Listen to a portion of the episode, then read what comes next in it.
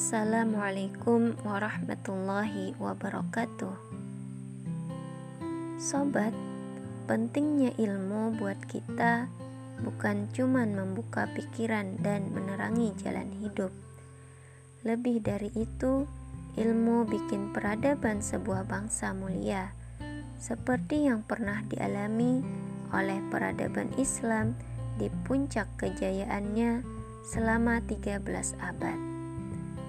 Ini seriusan loh, masih nggak percaya? Kita kasih buktinya nih. Pada zaman Bani Umayyah 661 sampai 750 Masehi. Kemajuan sains dan teknologi utamanya di Andalusia dirasakan oleh masyarakat Eropa. Oliver Liaman menuturkan kondisi kehidupan intelektual di masa itu. Pada masa peradaban agung di Andalus, Siapa pun di Eropa yang ingin mengetahui sesuatu yang ilmiah, ia harus pergi ke Andalus. Di waktu itu, banyak sekali problem dalam literatur Latin yang masih belum terselesaikan. Dan jika seseorang pergi ke Andalus, maka sekembalinya dari sana, ia tiba-tiba mampu menyelesaikan masalah-masalah itu. Jadi, Islam di Spanyol mempunyai reputasi selama ratusan tahun dan menduduki puncak tertinggi dalam pengetahuan filsafat, sains, teknik, dan matematika. Ia mirip seperti posisi Amerika saat ini, di mana beberapa universitas penting berada. Kemudian kejayaan dilanjutkan di masa Abbasiyah yang merupakan masa pemerintahan cukup lama, sekitar 508 tahun. Pada saat itu, dua per tiga bagian dunia dikuasai oleh kekhilafan Islam. Salah satu khalifah termasyur kala itu adalah Harun ar-Rasyid. Pada masa pemerintahannya, Salah satu karya besar beliau adalah pembangunan Baitul Hikmah, sebuah perguruan tinggi sebagai pusat penerjemahan lengkap dengan perpustakaannya yang jumlah koleksi bukunya sangat fantastis. Kekayaan koleksi buku juga ditunjukkan oleh isi perpustakaan di Cordoba yang mempunyai 600 ribu jilid buku. Sementara itu, Perpustakaan Darul Hikmah sendiri memiliki 2 juta jilid buku, sedangkan perpustakaan Al-Hakim di Andalusia buku-bukunya disimpan di tempat macam bilik yang terdiri dari 40 bilik dan setiap biliknya berisi 18.000 jilid buku. Wow, subhanallah. Sementara kalau mau dibandingin dengan barat, peradaban mereka nggak ada apa-apanya, nggak ada seupil pun. Bayangin aja, ratusan tahun sesudahnya, sekitar abad 15 Masehi, menurut catatan Katolik Encyclopedia, koleksi buku peradaban barat hanya mencapai 1800 jilid buku. Itu juga yang dimiliki oleh perpustakaan gereja Canterbury yang merupakan perpustakaan dunia barat yang paling kaya saat itu. Nah, kemajuan ilmu di masa Bani Abbasiyah tersebut turut memajukan bidang lain seperti dibangunnya rumah sakit, lembaga pendidikan dokter dan farmasi beserta tenaga ahli di bidangnya sehingga warga negara daulah saat itu tidak ribut lagi memikirkan masalah kesejahteraan hidup karena sudah terjamin oleh negara. Mereka menjalani hidup tidak lagi disibukkan pada urusan perut. Wajar jika pada masa pemerintahan Abbasiyah banyak melahirkan orang pintar sekaligus saleh seperti Imam Mazhab yang empat, Imam Abu Hanifah, Imam Malik, Imam Syafi'i, dan Imam Ahmad bin Hambal. Kemajuan ilmu saat kekhilafahan Islam berkuasa juga terlihat dari didaulatnya Spanyol sebagai pusat pembelajaran bagi masyarakat Eropa dengan adanya Universitas Cordoba. Di situlah mereka banyak menimba ilmu dan da dari dalam negeri daulah muncul nama-nama ulama besar seperti Imam Ash-Shatibi, pengarang kitab Al-Muwafaqat, sebuah kitab tentang usul fikih.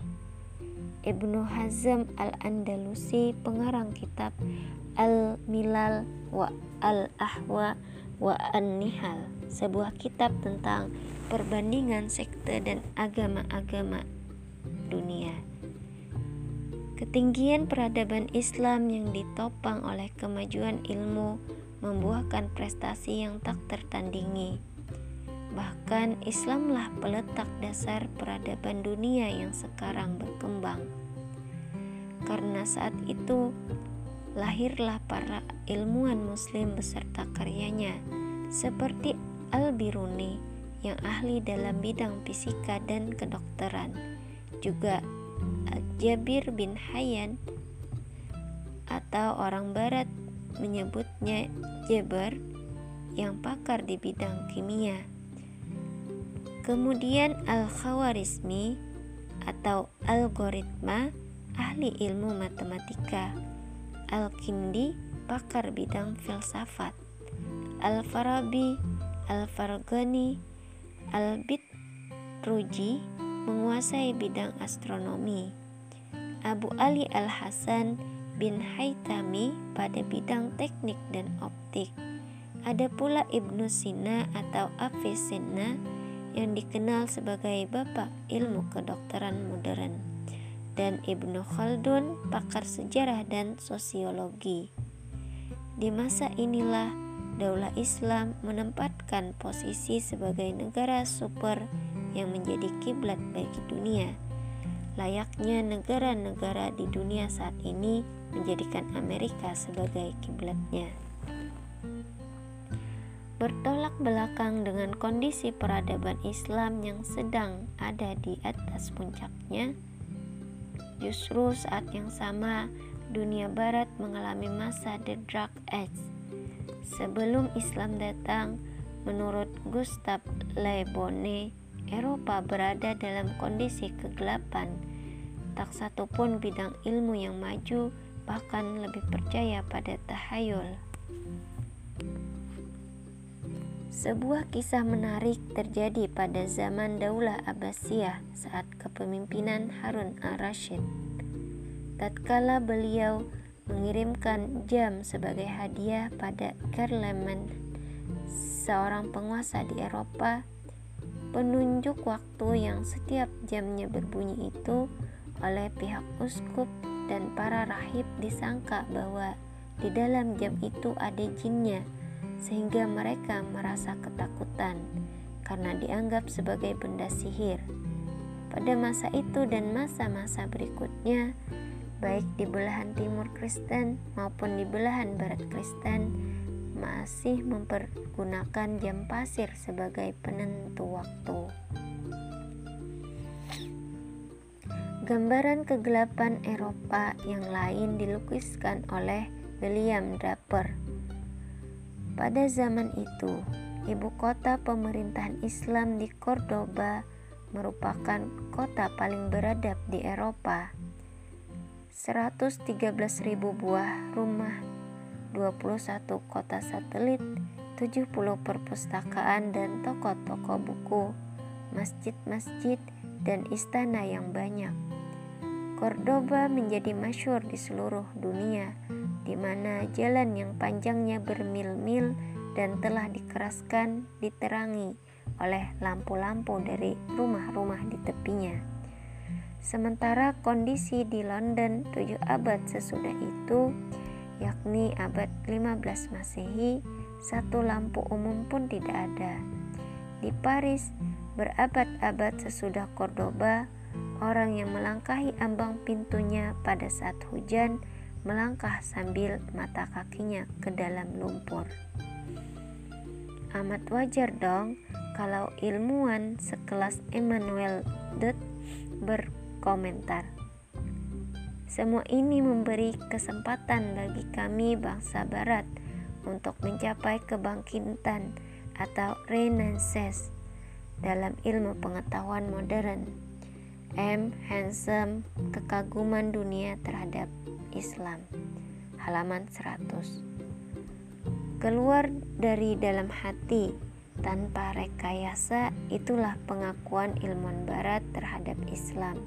Itu artinya Islam itu pernah berprestasi dan pasti akan terus menorehkan prestasi jika diterapkan dalam kehidupan seperti di masa keemasannya.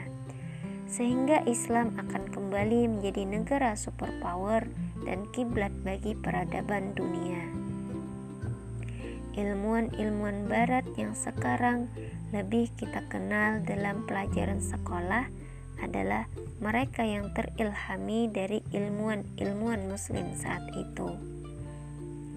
Sayangnya, masa pencerahan bagi seluruh dunia ini kemudian dikotori oleh para pemimpin Eropa yang bersepakat meninggalkan agama dalam segala aspek kehidupan dan mengembangkan dengan apa yang kemudian dikenal sebagai sekularisme.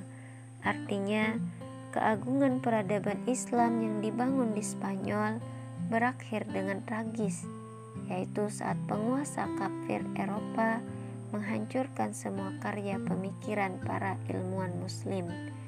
Tak hanya karya-karyanya yang dimusnahkan, para ilmuwannya pun disingkirkan Ibnu Masaroh diasingkan. Ibnu Hazm diusir dari tempat tinggalnya di Majar, Majorka. Kitab-kitab karya Imam Al-Ghazali dibakar. Ribuan buku dan naskah koleksi perpustakaan umum di Al-Ahkam II dihanyutkan ke sungai. Ibnu Tufail dan Ibnu Rus disingkirkan. Nasib yang sama dialami juga oleh Ibnu Arabi Kebijakan bumi hangus itu menyebabkan sulit merekonstruksi perjalanan sejarah Islam di Eropa. Namun demikian, keberadaan Granada, Cordova, Sevilla, dan Andalusia sebagai bukti keagungan peradaban Islam di Spanyol tak bisa dipungkiri. Meski akhirnya Sirna juga dihancurkan pasukan salib Eropa. Oh ya, Petaka perang salib juga telah membuat kita kehilangan perpustakaan-perpustakaan paling berharga yang ada di Tripoli, Ma'arah, Al-Quds, Gaza, Asqalan, dan kota-kota lainnya yang dihancurkan mereka. Salah seorang sejarawan menaksir buku-buku yang dimusnahkan tentara salib Eropa di Tripoli sebanyak 3 juta buah.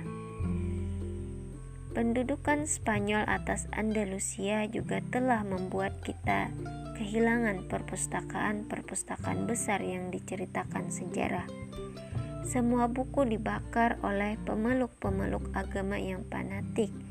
Bahkan buku-buku yang dibakar dalam sehari di lapangan Granada menurut taksiran sebagian sejarawan berjumlah satu juta buah. Dr. Mustafa Asibai Peradaban Islam Dulu, Kini, dan Esok Halaman 187 Demikian. Wassalamualaikum warahmatullahi wabarakatuh